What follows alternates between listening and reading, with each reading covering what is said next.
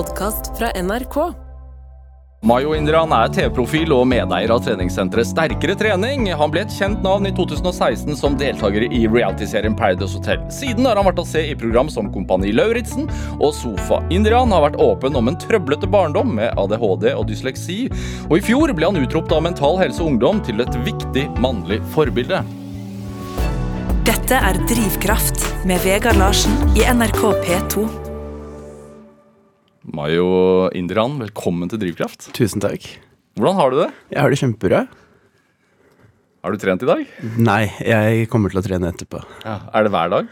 Uh, ja, Uh, det var litt tidlig å stå opp for å komme hit i dag, så jeg fikk ikke trent før jeg kom i dag. Nei. Hvordan ser en um, normal treningsuke ut? Mm, pushdag på mandag. Hva er en pushdag? Pushdag er der du trener alle dytteøvelser. Som eh, benkpress og Ja, bryst og skulder og triceps og litt sånn. Ja. Og så har du pull-dag. Det betyr dra-øvelser. Og da trener du rygg og den type øvelser som du drar. Ja. Og så har jeg beindag på onsdag, og så er det kjør igjen. Ny runde. Ja. Så da rekker du seks dager med trening, og så har du en hviledag i uka. Hvilken er den kjedeligste av de, de dagene? Beindagen er den kjedeligste. Hvorfor er det sånn at bein alltid er døvest? For meg så er det fordi um, jeg kjenner at det er pump i leggen og beina og sånn, men uh, det er mye finere å ha pump på overkroppen. Finere? Ja, Ja. ja. Ja, Men er, er det Jeg så, har sett en dokumentar om Arnold Schwarzenegger hvor han uh, var, også var veldig glad i å trene overkropp i starten, Ja, men glemte beina. ja. Ja. Jeg, har, eh, jeg glemte vel beina noen år, jeg òg, men jeg trener bein nå, så regelmessig. Ja. Men det er bare Det er ikke like gøy. Det, det gir meg ikke like mye. Hva, hvor, uh, hvor lenge av gangen trener du? Uh, en time til en og en halv. Ja. Hvordan er matinntaket, da? Uh, jeg prøver å ha et eh, sunt og ja, balansert kaloriinntak. Ja. Ja. Proteiner? Mest. Ja. Hva er det som er um, Hvorfor er, hvorfor er eh, muskelbygging en bra treningsform? Uh, mange grunner. Um, disiplin. um, du ser resultater. Du setter deg nye mål. uh, du har noe å kjempe for hver dag. Ja. Du har uh, noe å gå til. Du fører en tilhørighet ved treningssenteret du er medlem på. Du begynner å bygge nettverk med andre gjester som også trener der. Ja. Det er mange fordeler. Hæ. Hva er målene, da? Eh, Det har vært ulike gjennom eh, denne treningsreisen min. Eh, Først så var det jo bare å begynne å legge på seg, fordi jeg var jo underernært og veldig tynn. Så var det derfor jeg begynte å trene. I dag er jeg 33 år gammel og veier 100 kilo, så jeg er ikke underernært lenger. Og føler at nå handler det bare om å vedlikeholde og utfordre seg selv med å kanskje implementere litt nye øvelser, teste nye ting, Ja. og se om kroppen fungerer, da. Eh, Ja, og så ta meg bra ut på TV og ja, sånne ting. Ja. er det uh, Når man er eh, interessert i muskelbygging, for det er du jo altså, Du er medeier i et uh, treningssenter, eh, sterkere trening, eh, og, og eh, gå innenfor der. Er det sånn Er det én muskel nå du er misfornøyd med og vil styrke, liksom? Er, er det sånn det funker, eller? Jeg tror det er sånn det funker. Man, man er aldri fornøyd. Eh, De som ønsker vektreduksjon, eh, blir ikke fornøyd før de kanskje ja, bli kvitt all fett. Eh, Og det skjer jo ikke. Det går jo ikke. Nei. Eh, Du går opp og ned hele tida, så man har noe å jobbe med hele tiden, og samme er det med meg også. Eh, Jeg kan være fornøyd en måned med magen min, og så måneden etterpå så er jeg ikke like fornøyd.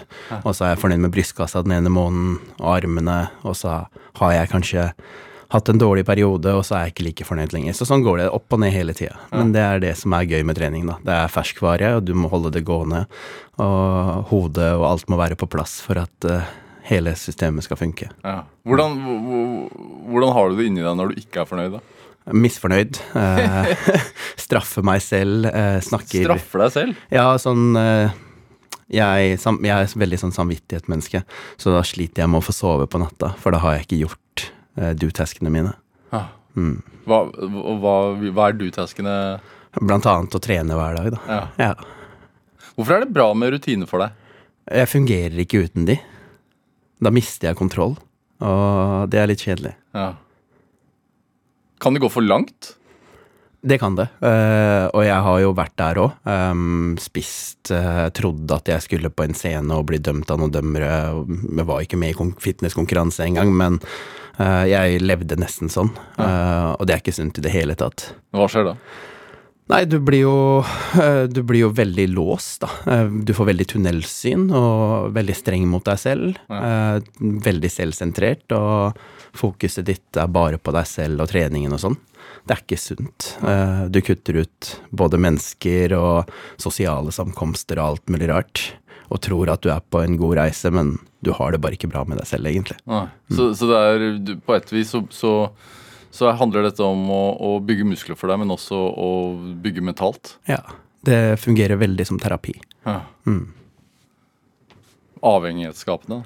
Det er det. eh, Men det har blitt en livsstil. Så ja, nå fungerer jeg ikke uten. Ja. Ja. Og så har det blitt varemerke. Varemerke. Ja, han, han er bra trent. Det er et varemerke. Hvordan en må, Altså en, to måneder uten ja. Hva skjer med deg da? da? Uh, jeg har gjort det før. Jeg har testa.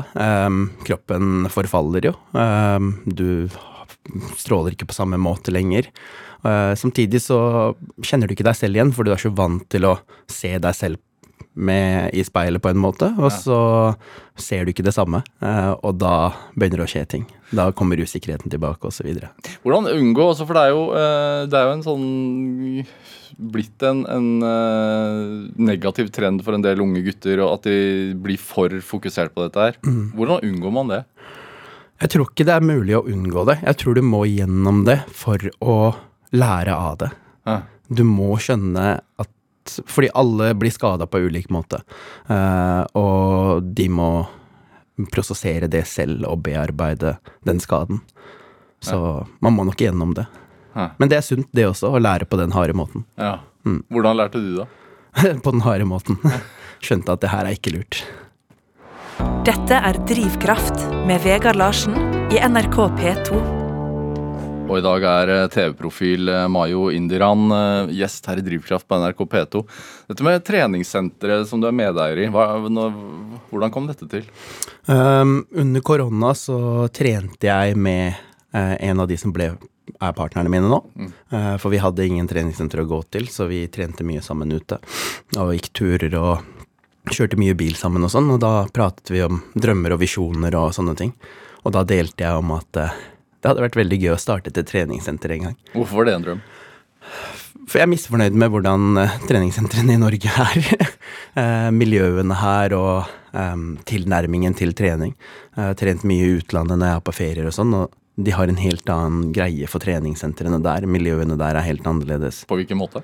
Um, det er bare hvordan folk ser på det å trene, og hvordan de møter andre på trening.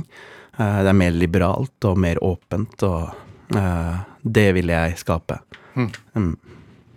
Men du trener ikke så ofte der. Nei, jeg, heldigvis uh, så har vi gode mennesker som jobber der, som gjør en utrolig flott jobb, så jeg har heldigvis ikke behov for å være der så mye. Nei.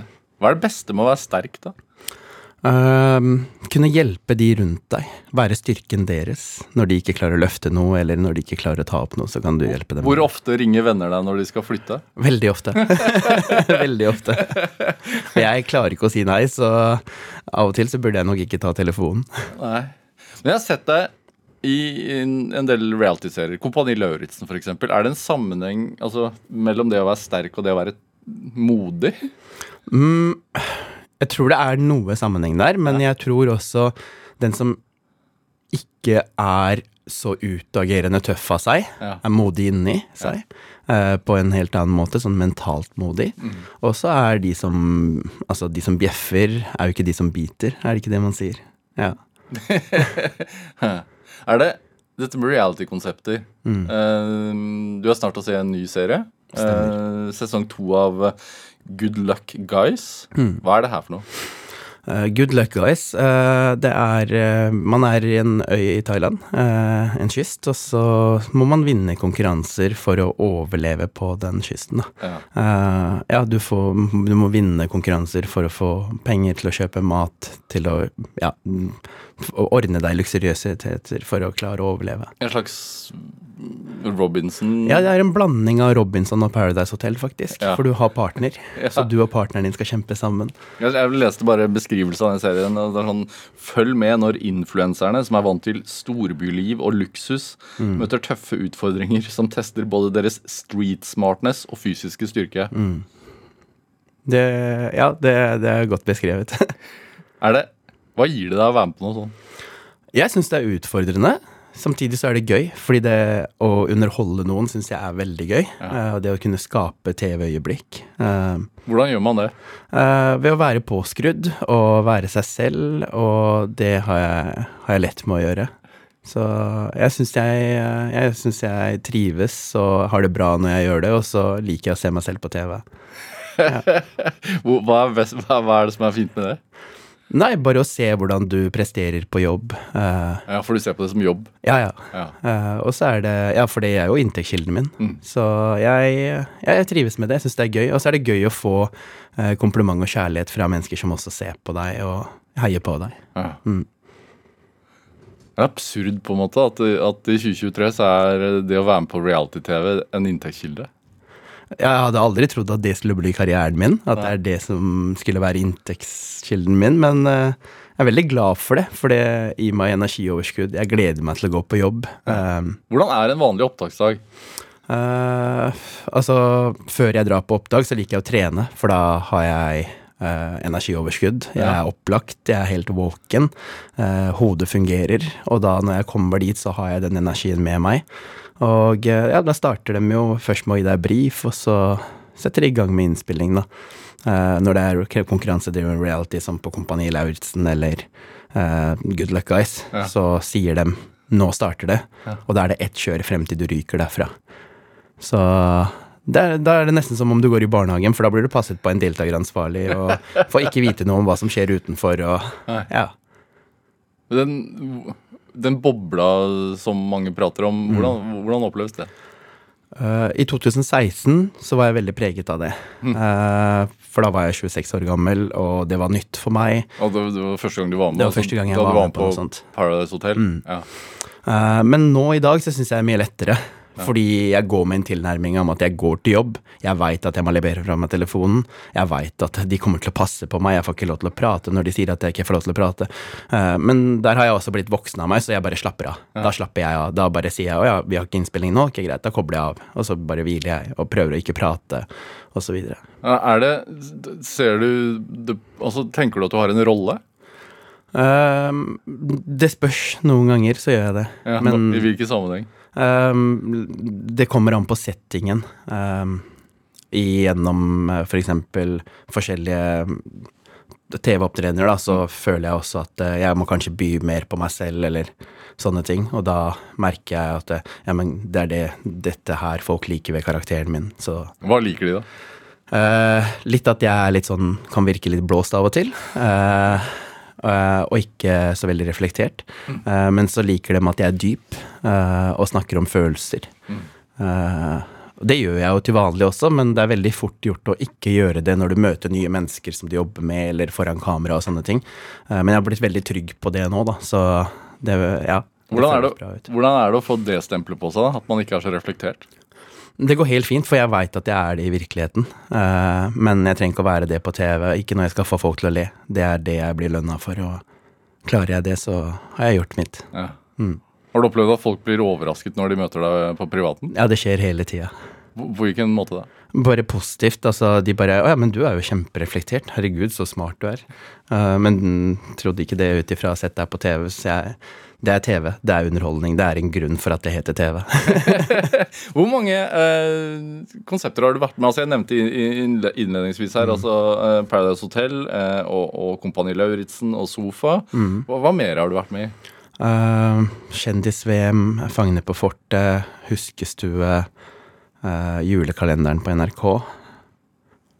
Hva mer har jeg vært med på, da? Så din egen serie, da? Ja, også vår egen. Um, fire sesonger av Sofa. Ja. Uh, Kompani Lauritzen. Ja. Jeg tror det bare er det. Og så Good Luck Guys nå. ja jeg syns det er en del. Ja. Hvilken har vært uh, morsomst? Fangene på fortet. Men det er fordi jeg vokste opp med å se på det. Ja. Så det var litt sånn nostalgisk. Og så var det gøy å bare Den produksjonen, det nivået de hadde der, det var bare helt sinnssykt å se på. Eh, hvordan de jobbet, de bak kamera. Hvor strukturerte og hvor bra orden de hadde, og hvor effektive de var, og hvor profesjonelle de var. Jeg elsker å se sånt. Hvor konkurransemenneske er du? Eh, i, på fotballbanen når jeg spiller selv og sånn, Ja. så er jeg veldig konkurransemenneske. Uh, men jeg er ikke så konkurransemenneske når jeg er med på TV-programmer og skal konkurrere på TV. Uh, det kan hende at jeg liksom går litt inn for å vinne, men ofte så tenker jeg mer at det, det her er TV. Jeg skal bare underholde. Ikke glem det, ikke bli for fastlåst til at du skal vinne konkurransen og glemme å underholde, fordi da mister du litt av den sjarmen med å være med på TV, da. Ja. Hvor, hvor spiller du på banen? Jeg er keeper. Keeper? Hæ. Når starta den karrieren? Uh, når jeg var for uh, rampet til å spille ute Uh, Jeg taklet veldig vulgært og skadet folk og sånn, så de ville ikke ha meg som utespiller. De ville heller forsikre seg om at jeg sto i mål, for da var det trygghet for oss og lagspillerne mine på trening. Ja. Ja. Hva, keepere er jo ofte eh, litt annerledes spillertyper. Eh, hvis man ser på kjente fotballkeepere. Hva, hva tenker du kjennetegner en keeper? Eh, nå snakker man jo veldig om fotarbeid og ha ro med ball i bein og se overblikk, eh, slå pasninger nøyaktig, Ja. eh, presise pasninger osv. Så eh, sånn var det jo ikke når jeg spilte, eh, eller på 90-tallet. Um, da var det jo Da skal keeperen ha refleks, han skal være kjapp til å ta ball, og han skal være en altså boksspiller, liksom. Han skal, han skal være god i boksen. Ja. Eh, raskt ut og takle og Ja. Um, det var meg. Uh, Hvilken klubb spilte du på? Eh, Rommen. Ja. Men de eksisterer jo ikke lenger. Nå heter det Stovner IL, tror jeg. Ja. Hva var målet? Nei, jeg elsker fotball, så det var en del av å være med guttegjengen og ha noe å gå til hver dag. Ja. Hvorfor er det, var det viktig? Eh, Samhold. eh, og selvfølgelig, eh, du har passion for fotball. Du ser på fotball. Så det var gøy. Du, eh, du nevnte jo TV-debuten din, altså Paradise Hotel, eh, 2016. Meldte deg på der, da var du vel 25 år eller noe sånt? da? Ja. Eh, hvorfor? Eh, det var broren min som meldte meg på, men eh, jeg gikk gjennom et brudd, og alt jeg gjorde var å jobbe og trene bare, så han så altså at eh, jeg hadde mista litt livsgnisten min og sånn, så han mente det kanskje som litt tull, men han ville også at jeg skulle liksom komme meg litt ut og få litt andre ting å drive med. Det funka jo, da. så Hva visste du om det fra før? Jeg hadde sett på noen av de første sesongene med sånn Petter, Pil Petter Pilgaard og sånn, så det var det jeg gikk ut ifra. Eh, men jeg var så dårlig forberedt da, enn de andre. Men jeg tror også det var det som gjorde at eh, jeg ble den jeg ble på TV. Ja. Eh, ble vist på TV, og det er jeg veldig glad for nå, da. Ja. Mm. Så det har jeg fulgt etter det. Jeg ser ikke på programmer som jeg skal være med på. Og på Ja, forhånd? På forhånd. Sånn som Kompani Lauritzen også. Alle som var med det året jeg var med, hadde pugga den der setningen vi skulle si på tårnet oppe. Jeg hadde ikke hørt den engang. Så ja, det, var, det, er, det er sånn jeg jobber, da. Men det er også fordi da har jeg en naturlig greie. Ja. Jeg, jeg gidder ikke å være preppa på den måten.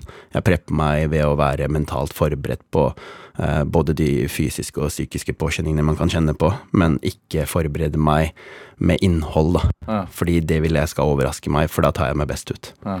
Det med um, Var det en drøm om å, om å bli kjendis? Aldri. Nei. Nei. Hvordan, men hvordan opplevde du tiden etterpå, da?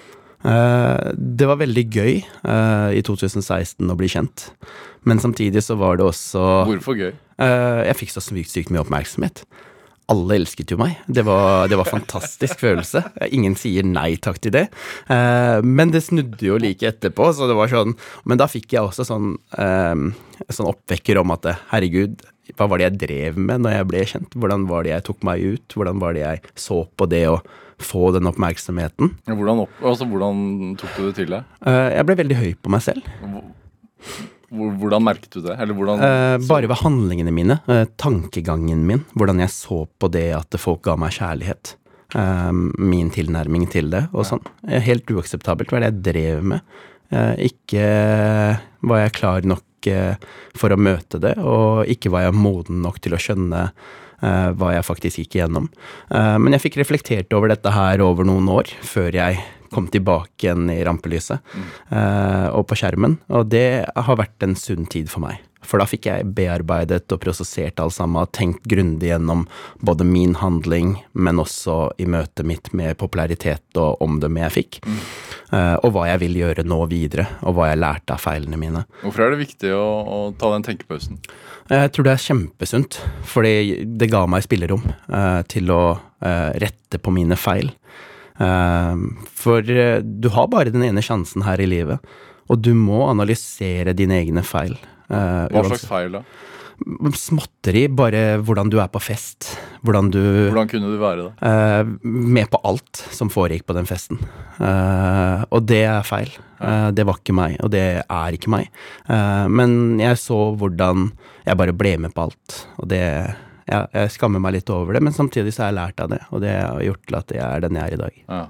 Samtidig som eh, serien rullet ut på TV, så, så var jo du midt i en helt annen dramatikk. Ja. Eh, ble arrestert. eh, og, og satt i varetekt. Uh, hva, hva var det som skjedde? Uh, nei, jeg ble pågrepet i en kjempestor narkosak som jeg ikke hadde noe med å gjøre. Um, så det som skjedde da, var at eh, da fikk jeg jo en sånn åpenbaring eh, og masse tid til å reflektere og tenke over hva jeg hadde vært igjennom. Hvor var du da du ble arrestert? Eh, jeg var på vei hjem. Jeg var på Elkjøp eh, etter en middag, så jeg ble pågrepet der, og så ble jeg kjørt derifra. Mm. Og da hadde jeg akkurat dagen før så kom jeg tilbake fra en innspilling. Ah. Så jeg var midt i en innspillingsperiode når jeg ble pågrepet. Ja. Mm. Og en ny serie som skulle komme da. Så Og tenk, altså, du arrestert på åpen gate, liksom? Uh, ja. Så jeg spurte jo med en gang om å få bli satt inn skjult, da. Én politibil, eller hvor? hvor? Nei, det var, eh, det var mange politibiler. Veldig mange.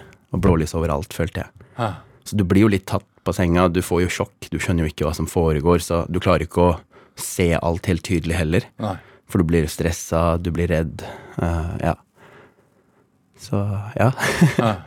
Og, og, og, og grunnlaget gikk på at, at det var, var funnet eh, narkotika i en kjellerleilighet? Stemmer. Eh, eller kollektiv, eller hva? hva? Ja, bopel. Ja. Um, samme bopel der jeg også var boregistrert. Ja. Um, så mm, jeg forstår politiet i deres prosess. Ja. Jeg skulle bare ønske det ikke fikk den oppmerksomheten den gjorde. ja. Eh, men samtidig, i dag så velger jeg ikke å henge meg opp i det, fordi skjedd er skjedd. ja.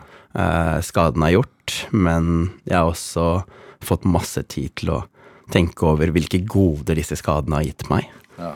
Og som sagt, jeg fikk masse tid til å bearbeide, tenke grundig gjennom hvordan jeg vil være nå og videre. Ja.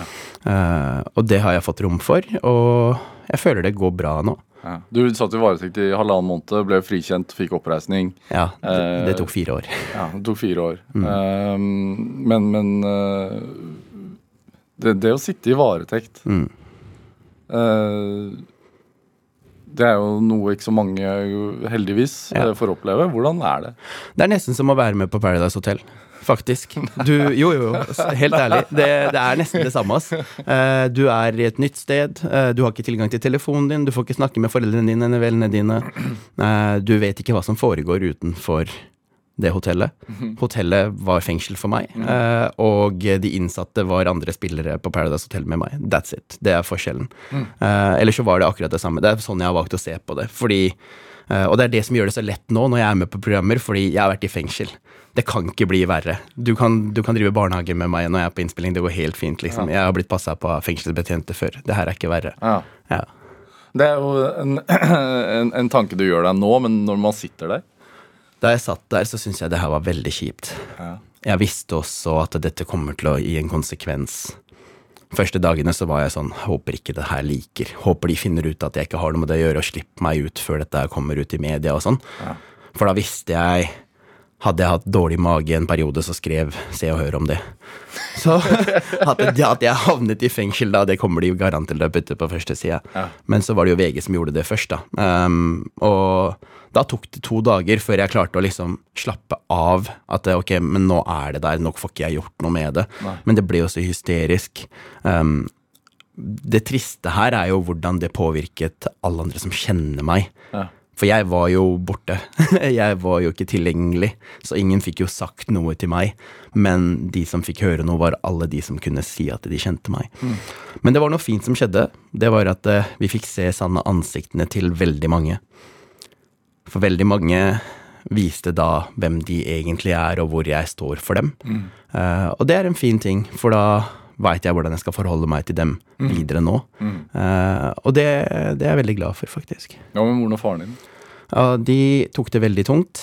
Uh, aldri sett dem være så lavt nede i livet som da. Eh, men det har også gjort at vi ønsker ikke å se foreldrene våre sånn igjen. Vi vil aldri utsette dem for det, og vi vil aldri utsette vårt liv for det. Vi veit at du bare ødelegger ikke for friheten din. Og det er noe bra ved det òg. Kjipt å måtte lære på den måten, men livet går videre. Ja. Shit happens. Ja. Er det Når man sitter i varetekt, hvor, hvor mye omgås man de andre innsatte? Du, altså, jeg hadde fire timer utenfor den cella hver dag. Ja. Så det er ikke mange timer du får med andre mennesker. Så 20 timer tilbringer du inn i cella di. Hvor stor er den? Ikke så veldig stor. Hva gjør man da? Alt fra å lese bok, se på TV, sove, tenke, Hæ. reflektere. Hæ.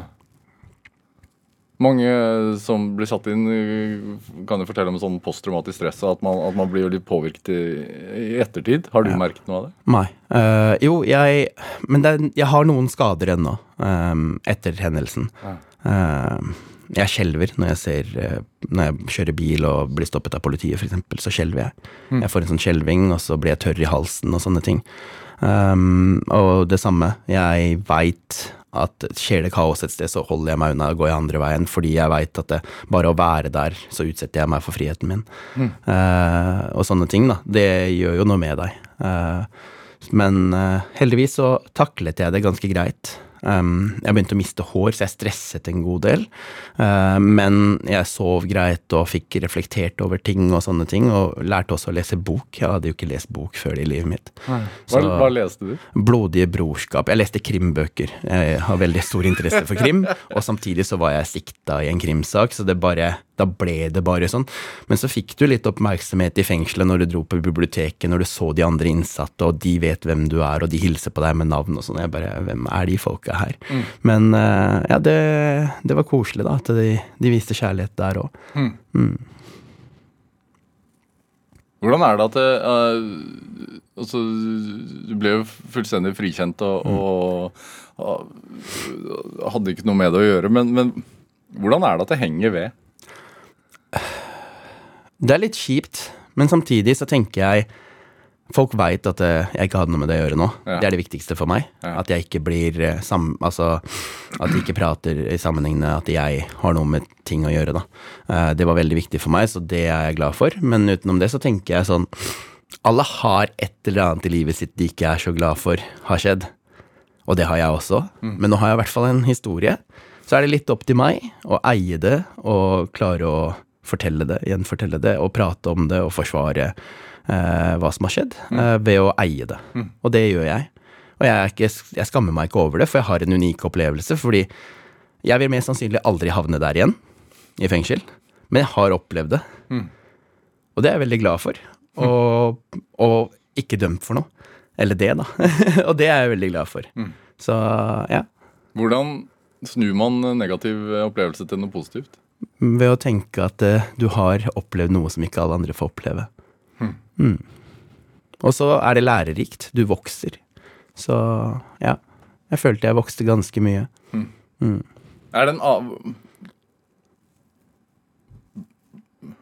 Har det, har det gjort noe med, med, med, med, med, med eh, tankene dine om at du, at du skal påvirke i en eller annen retning?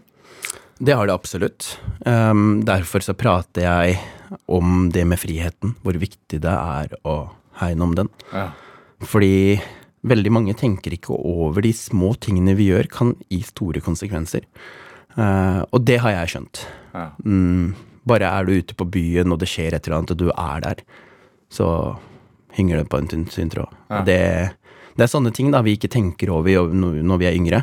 Du tenker ikke over at dytter jeg han, så kan han snuble og slå bakhodet og falle i koma, eventuelt dø. Du tenker ikke over sånne ting. Men det gjør du etter at du har havnet i fengsel en gang.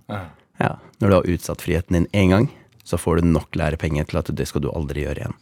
Mayo Indran, vi skal spille litt musikk. Ja. Um, du har med en uh, Young Tia og Bugsy-låt som heter Don't Rush. Hvor, hvorfor denne låten? For du skal ikke stresse. Ikke planlegge altfor langt frem i tid. Ta det med ro. Don't rush.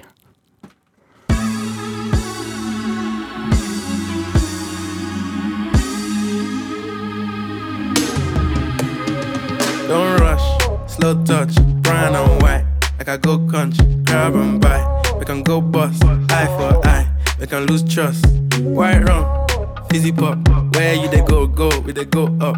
Catch my vibe, let me go off. Blam the trash, man, it's so tough.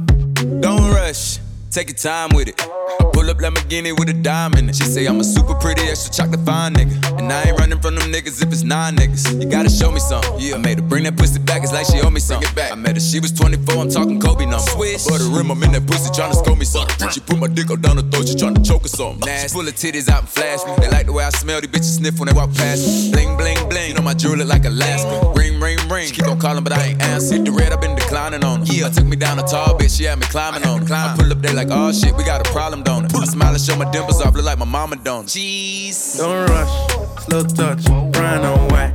Like I go country, grab and buy. We can go bust, eye for eye. We can lose trust. White rum, fizzy pop. Where you they go, go, we they go up. Catch my vibe, let me go off. Blam the trash, man, it's so tough. Alright, yo, put the belly on the body, make a catch. See her watch, now she wanna give crutch. Boy got peas, now she hopping in the pod. Man, a real life sugar gal, and my forget what. When she want dark, told her meet me at the top. Switching lanes the other day, I seen her waiting for a bus. Baby, this a Moncler sweater, diesel denim. Buy another one, my pockets fight like heather. Neck froze like I don't know no better. Benzo truck, white seats, and they leather. Go broke never. On my grind, she make it clap like I'm Buster Rhymes. I got the juice, the sauce, and all them things. I blammed her twice a night with all my bling. Big Benz, I drive, I brought that thing. Any girl you want, they want my ting. Don't rush, slow touch, brown and white. Like I go country, grab and buy. We can go bust, eye for eye. We can lose trust. White rum, fizzy pop. Where you they go, go, we they go up. Catch my vibe, let me go off. Blam the trash, man, it's so tough. Flood my eyes, make a whole blush. Back of the tour bus, getting cool up. D square, got on de stress. Got a hand wash, new racks with the old Nikes in the shoebox. Keep my stripes, no cuss. Pull up in a new plate, then she might just. She went tryna move bait when her eyes locked. New tints on a coupe, that's a head loss. Off my whites, right my wrongs. Gucci my mum, while you do your thumbs. Count my sums, this is gonna get long. Love my green, I'm tryna get strong. Tryna get on, where I'm from, it's on. Yes, man, don't take no dumb threats. They see funds, they hop fence. We been up, not up. Next. Don't rush, slow touch, brown and white. Like I go country, grab and buy. We can go bust, eye for eye. We can lose trust. White rum, fizzy pop. Where you they go, go, we they go up. Catch my vibe, let me go off. Blam the trash, man, it's so tough.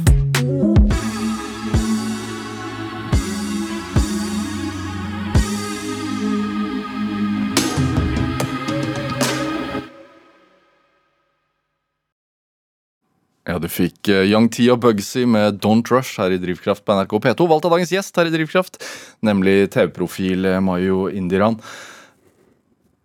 Er det øh, Hvor viktig er musikk for deg? Kjempeviktig. Eh, det er vel det jeg hører mest på. Ja. Ja, Er du vokst opp i et hjem med mye musikk? ja men eh, pappa og mamma hørte på litt annerledes musikk enn det her. er. Hva slags musikk? Eh, pappa hørte på sånne hindusanger. Det var alarmen vår tidlig på morgenen når vi var barn. Ja. Og vi våkna til sånn skriking, sånn som de skriker i tempelet. Nesten som bønnerop, liksom. Bare hindugreier, da. Uh, og det, det var veldig spesielt. Og jeg pleide alltid å si da Jeg bare Jeg står ikke opp med noe zen-følelse nå. Men uh, jeg er glad jeg ikke bor med pappa lenger, for nå kan jeg gjøre det på min Ja. måte. Hva, hva ville han med det, tror du? Eh, han mente at da får man uh, en bra energi, man får velsignelse fordi man hører skryt av Gud, da, for de synger jo til Gud. Og stå opp med de tankene, man blir puttet tanker i hodet om at du har noe å tro på, noe positivt, og sånn. Det funket kanskje for han, så han ønsket kanskje at vi skulle, det skulle funke for oss også. Men vi så på det bare som slitsomt, og var, var veldig glad når vi flyttet fra Stovner og den leiligheten, og ikke slapp å våkne opp til den musikken lenger. Ja. Var det et uh, religiøst hjem? Uh, ja, de var litt mer praktiserende religiøse når vi var yngre, faktisk. Ja. Så har det daffa litt med tida, fordi jeg tror de også har begynt å skjønne ting. At man kan ikke bare tro på alt. Ja. Ja. Og vi stiller jo masse spørsmål, og så får man ikke svar på alle de spørsmålene om hinduismen. Så da har jo ikke de heller nok kunnskap om det, så de tror på noe de har blitt gjenfortalt om å tro på. Og det funker ikke når du skal gjenfortelle det da videre til barna dine igjen, som er født og oppvokst i Norge, som da stiller spørsmål, da. Eh, så jeg tror det bare har fada bort. Mm. Hvilke spørsmål kunne du stille? Hvorfor er det sånn? Hvordan fikk den guden et apeansikt? Hvorfor uh, sier dere at de har levd? Er det bevis på det? Ditten datten. Ja, masse sånt. Ja. Er det uh, Vokste opp på Stovner. Ja. Uh, hva, hva gjorde moren og faren din da du ble født? Uh, de jobbet begge to på en fiskefabrikk i Båtsfjord. Oi. Mm. Å ja, så du, du ble født i Båtsfjord? Ja. Ah. Kirkenes. Hvor lenge bodde du der? Til jeg var fire. Husker du noe Nei, eh, jeg husker at jeg hadde kontakt med dagmammaen min. Jeg husker henne ikke, men jeg husker at jeg ringte henne på lørdager etter at vi flyttet til Oslo også. Ja. Så jeg hadde kontakt med henne frem til 1997-1998, tror jeg. Hvorfor reiste de dit? Strømmen gikk. Nei, men altså til Båtsfjord, moren og faren. Oh, ja. Um, pappa uh, Det var før mamma kom til Norge. Ja. Uh, pappa var i Oslo, uh, søkte om asyl her, bodde på en båt. eh, og da fikk han plutselig jobbtilbud om at der oppe så er det jobbmuligheter. Og han så muligheten da for å tjene penger og for å sende det til Sri Lanka, så han kunne forsørge familien sin og sånn. Så han tok vel et smart valg. Og så kom Når kom moren din, da? Uh, I 89, Ja. tidlig 89, og uh, så giftet de seg. Så fikk de meg i 90. Så fikk de lillebroren min i 92. Når han var to år gammel, så var de drittlei av at strømmen gikk der oppe, og det var så kaldt der. Eh, samtidig som vi fikk flere slektninger i Oslo Ja. fra Sri Lanka, så da var det mer praktisk å flytte hit og bo nærmere slektningene sine. Du sa at faren din søkte om asyl. Hvordan var situasjonen i Sri Lanka den, den gangen? Det var borgerkrig. Ja. Eh, pappa fikk knust begge kneskålene sine, så han tok jo, egen, tok jo kneoperasjon når han kom til Båtsfjord også. Ja. Eh, det srilankiske militæret kneste kneskålen hans, for søsteren hans var med i LTT, LTT som var da tamiltiggerne, eh, og kriget mot staten. Så ja. Hvordan, hva, hva, hva fikk du høre om, om borgerkrigen og konflikten da du var liten? Uh, masse. Uh, vi fikk også se videoer av hva som foregikk der, for de filmet det også. Ja. Når det er midt i krig og sånne ting. Uh, veldig merkelig det der. der. Uh, for jeg tror ikke sånt gjøres sånn lenger nå. Uh, men det var fysisk mennesker som gikk og filmet når de vant battles, da. Eh, og det å bli fortalt om dette her, og hvor urettferdig vi tamiler har blitt behandlet gjennom generasjoner, uh, at tanta mi døde i krig, um, pappa ble knes kneskålen til og måtte rømme landet. Eh, det gjør noe når du lærer disse tingene her om landet du egentlig er fra. Så jeg har jo ikke den samme tilhørighetsfølelsen om hjemmelandet som pappa og mamma har. Eh, men samtidig så veit jeg nok til å også vite at det har skjedd mye fælt der. Hvordan preget de de, tror du? Eh, veldig. eh, spesielt pappa, eh, for han hadde alltid en drøm om å reise tilbake og fortsette livet der. Men han har ingen der lenger nå. eh, men han har den følelsen av at eh, jeg vokste opp der. Det er samme følelse sikkert jeg får når jeg drar til Stovner. Jeg føler meg veldig hjemme der. Mm. men jeg bor jo ikke der lenger nå. Det er sikkert samme følelsen han får når han drar til Sri Lanka. Så jeg forstår han veldig godt. Har det eh, har, har, har det at de er fra Sri Lanka, har det preget deg på noe annet vis? Altså sånn eh, rent kulturelt? Mm, ja. Ehm, det er jo veldig kulturkrasj eh, for de som flytter fra Sri Lanka, spesielt fra en liten landsby i Sri Lanka til Norge. Hva, hva, hva går kulturkrasjen på? Alt. Um, man lever annerledes der. Skolesystemet er annerledes. Helsevesenet er annerledes. Ja. Oppdra barn er annerledes. Hvordan da? masse, altså, ulike ting. Her analyserer man barna sine, uh, sørger for en trygg oppvekst osv. Man gjør ikke det der. Man jobber ikke så systematisk med barna. Eh, det er ikke noe som heter ADHD. Det er ikke noe som heter dysleksi og lese- og skrivevansker. Du får bare juling av læreren din hvis du ikke klarer å gjøre hjemmeleksa di. Eh, Men sånn er det ikke her i Norge. Her blir til tilrettelagt, og det er systemer for alt. og eh, PPT og um, Hjelpemiddelsentralen. Altså, det var masse da, som var nytt for dem. Eh, og der følte de en kulturkrasj. Um, for ting var veldig annerledes i Norge enn det er i Sri Lanka. Følte du på en kulturkrasj? Altså utenfor hjemme og, hjemme? Veldig. Eh, følte veldig mye på det. Hvordan da? Fordi ute så Når du da er i det offentlige rom da, eh, med andre som snakker norsk og har annen kultur, så merker du at du eh, tilvenner deg det, og så går du hjem, og så lever du litt etter de tamilske normene og verdiene. Hæ. Så ja, du merker det veldig. Hæ. Stovner på 90-tallet, hvordan det, var det? Fargerikt. Eh, Hva vil jeg si? Eh, du fikk se alt mulig rart. Det var eh, Jeg er veldig glad for oppveksten min, fordi jeg vokste opp under litt uh, vanskelige omstendigheter, uh, utfordringer. Men jeg var jo selv en utfordrende barn. Eh, og det, mm, det preget oppveksten, også foreldrene mine. Eh, men jeg syns det var kjempebra, eh, fordi det har gjort til at jeg er den jeg er i dag. Jeg har den storyen jeg har i dag. Mm. Tenker du at eh, de har gjort et offer for dere? Absolutt. Ja. hadde det ikke vært for dem, så hadde vi ikke hatt det fine livet vi lever i dag. Så jeg er veldig takknemlig for at de turte å ta det valget om å flytte fra et sted som de følte seg trygge på. Men de følte jo seg utrygge med tanke på at det var borgerkrig der, så de gjorde jo noe riktig, eh, også for seg selv, men jeg velger å se på det som at det var for oss også. Hæ. Hvem var du da, som barn?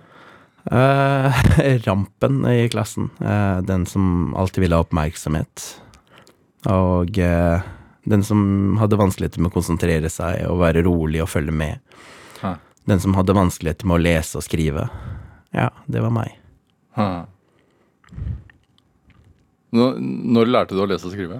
Eh, det kommer jo sakte, men sikkert. Eh, men jeg skrev, hadde fortsatt mye skrivefeil, kanskje litt i dag òg. men eh, lesingen ble bedre og bedre jo mer man begynte å bruke internett og chatfunksjoner og sånne ting. Ja. For er ikke, problemet er ikke å lese, problemet er å forstå hva du leser. Og det har blitt lettere med tiden, med årene. Er det eh, Altså, du har pratet om at du eh, var udiagnosert med, med ADHD. Eh, når fikk du diagnosen? Syvende klasse. Hvordan var det før? Før diagnosen, Ja. da var jeg jo bare utagerende kid som ikke jeg skjønte hva jeg gikk gjennom. Ja. Eh, Jeg gjorde det for så vidt ikke heller etter diagnosen, men det er jo fordi foreldrene mine ikke skjønte hva ADHD De skjønner jo fortsatt ikke hva ADHD er. Nei, hva er det for deg? Eh, For meg er det superkrefter. Ja, jeg ser på det som genialt i dag, fordi jeg klarer å bruke den energien og den, det overskuddet ADHD-en gir meg. Og så har jeg også lært å se mine sterke sider gjennom ADHD-en, og mine svake. Jeg veit at jeg har veldig vanskeligheter for å konsentrere meg og følge med dersom det er noe uinteressant. Men jeg er superfokusert og veldig analyserende det jeg ser på når jeg er fokusert, som det er derfor jeg ser på fotball. Fordi jeg elsker fotball, og da konsentrerer jeg meg. Jeg får med meg alle detaljer. Jeg skriker ut når det er offside før dommeren har sagt det er offside, f.eks. Så fokusert er jeg. Men så ser jeg f.eks. på andre ting, som f.eks. Farmen, så har jeg ikke fått med meg hva deltakerne heter engang. Så ja, det kommer an på hva interessen din er, og hva du har nysgjerrighet for. Hvordan, hvordan er det inni altså, Klarer du å beskrive hvordan det er i hodet? Uh, nei, altså Ja, det er jo det, det du fatter interesse for, da. Det har du interesse for, og det andre, det utelukker du. Ja. Er det Når man vokser opp med det, og, og også dysleksi, og, og Hvordan så lærerne på deg? I starten så prøvde de jo å hjelpe meg og litt sånn, Ja. men jeg var ikke så mottagelig for den hjelpen. Jeg var veldig sånn Jeg syns det var litt flaut. Uh, og Hvor- hvorfor det? For andre rundt deg ser på ADHD som at det er noe negativt. Mm. Uh, og de klarte ikke helt å, påvirke meg på den måten at jeg kunne se på det som en superkraft. Man vil ikke stikke seg ut, man vil ikke være annerledes, man vil ikke ha spesialopplæring. Nei, og så var det en annen gutt i klassen som hadde ADHD, uh, fra andre klasse av, og han så man på som veldig problematisk. Ja. Så du ville ikke være han, da. Men uh, nå, i voksen alder, så ser jeg på det som om det er kjempebra, eh, fordi jeg har lært å bruke det riktig. Eh, de kreftene man får av ADHD-en, og hvordan jeg skal fungere best. Men det gjorde jeg ikke tidligere, og det var problematisk. Hvordan, hvordan lærer man også, hva, hva er trikset? Nei, jeg veit ikke hva trikset er, men for meg så var det i hvert fall at eh, jeg hadde hatt det nok um, til at jeg begynte å skjønne at jeg har jo mer energi enn andre. Så jeg må bare lære å bruke den energien på de områdene der hvor andre mennesker ikke klarer å bruke den. Eh, så det funker jo. Eh, og folk spør jo hele tida 'herregud, hvorfor har du så sykt mye energi?' Så jeg, nei, det er ikke bare energi, det er ADHD, faktisk. Men eh, det er positivt nå, da. Jeg velger å se på det som en positiv ting nå. Du sa at du var trøblete som ung. Mm. På hvilken måte? Jeg var jo oppmerksomhetssyk eh, og trengte å få utløp for For du blir litt frustrert når du ikke får til ting som andre og sånne ting. Eh, så begynner du heller å være slem og kjip mot andre og være problematisk, da. Så forstår ikke alle andre rundt deg hvorfor du er sånn, og du gjør ikke det du heller. Men det er det du velger å gjøre, fordi da får du oppmerksomhet for noe annet enn for at du er svak på noen områder, da. Mm, Var du slem? Ja, jeg kunne være slem. Det var noen jeg var veldig slem mot. Eh, noe jeg syns er veldig fælt, fordi nå husker det meg som den fæle personen Ja. for resten av livet sitt, og det, det syns jeg er litt kjipt, da. Ja. Har du bedt, bedt om unnskyldning? Det har jeg. Ja, hvordan var det? Uh, jeg gjorde det like etter tiende klasse, så det var jo litt tøft uh, når jeg hadde skjønt at det liksom Herregud, hva er det jeg har gjort for noe, og sånne ting. Men samtidig så er jeg veldig glad for at jeg ba om den unnskyldningen. Selv om de har vanskeligheter med å tilgi meg eller glemme det, så føles det i hvert fall godt ut for meg at uh, jeg har i hvert fall sagt unnskyld, fra, altså på ekte og ment det, og ønsker ikke å være sånn videre. Veldig mange ber om unnskyldning bare for å redde seg selv der og da, og så velger de å ikke kanskje leve etter de da, eh, senere. Men der har jeg vært annerledes. Jeg har virkelig tatt tak i det og endret meg fra hvordan jeg var. Er det, er det viktig for deg å, å, å være et godt forbilde for unge? Nei, det er viktig for meg å føle meg selv bra for handlingene mine. Eh, og så må folk gjerne enten klandre det eller se opp til det, men jeg er ferdig med å leve for hva alle andre skal si og mene om meg. Ja. Jeg går etter hva som prinsipielt føles riktig ut for meg, Ja. og hva som gir meg ro og glede. Hvordan unngår man at noen øh, blir mobbere, da? Jeg tror det handler om at øh, man må se hvor problemet ligger. Hvorfor gjør jeg dette her mot andre? Hva får jeg av det her? Vil jeg at den personen skal huske meg sånn for alltid? Hva om det er den som blir sjefen min i fremtida en gang? Hva om den blir kollegaen min, eller hva om jeg skal gifte meg med søsteren dens, eller Det er bare, sette seg i forskjellige settinger, bare se det fra forskjellig perspektiv, og så bare ønsker du ikke å være kjip mot andre. Man er kjip mot andre fordi man tror at man slipper billig unna med det, og at det ikke skader og du ikke får konsekvenser av det. Men du får faktisk konsekvenser av alle skader du påfører andre. Og det må du være bevisst med. Og så lenge du er bevisst med det, så klarer du å handle deretter. Hvilke skader har det gitt deg, da? Uh, jeg er veldig lei meg for at uh, jeg kunne være så kjip mot noen. Um, jeg ønsker ikke at noen skal være det mot meg eller andre jeg er glad i. Og det, det å bare fatte at uh, herregud, så var jeg sånn selv mot noen, eh, så skammer du deg over det. Og det gjør jo noe med deg, da. Hvordan så du på fremtiden som ung? Jeg trodde jeg kom til å slite, fordi jeg ikke hadde eh, samme utgangspunkt som andre, fordi jeg ikke hadde fulgt med i timen. Jeg har veldig lite generell kunnskap eh, med tanke på at eh, jeg får ikke med meg alt som foregår rundt meg hele tida. Fordi jeg ja, har de konsentrasjonsvanskene jeg har, da, så det er veldig mye som er uinteressant. Eh, så når folk sitter og snakker om verdenspolitikk, så er det helt fjernt for meg. Eh, Men så har jeg også mine meninger rundt det, og når jeg deler dem da, så er de sånn Det var en ganske fin måte å si det på, men eh, jeg skjønner jo at du ikke har helt skjønt hva som foregår her. Og det er meg, da. Eh, Jeg har mine meninger, men samtidig så setter jeg meg ikke alltid inn i alt som foregår rundt meg. Hva drømte du om? da? Eh, jeg hadde lyst til å bli brannmann da jeg var liten. Jeg synes det, var- det så dritkult ut. eh, å kunne leke med flamme og sånn. Nå er jeg dritredd for det, så det hadde ikke skjedd. Å klatre høyt i stige og sånn, det bare Nei, det er ikke min ting. Men eh, jeg hadde en drøm, da. Hva andre ting er du redd for? Jeg er redd for havet. Eh, vann. Hvorfor det? Det er kaldt. Jeg veit ikke hva som fins i havet. Um, vi har ikke funnet ut av mer enn 80% av hva som finnes i havet. Og alle de tingene her, det skremmer meg. Og så har man det, alle de skrekkhistoriene som gjør at du ikke føler deg trygg, da.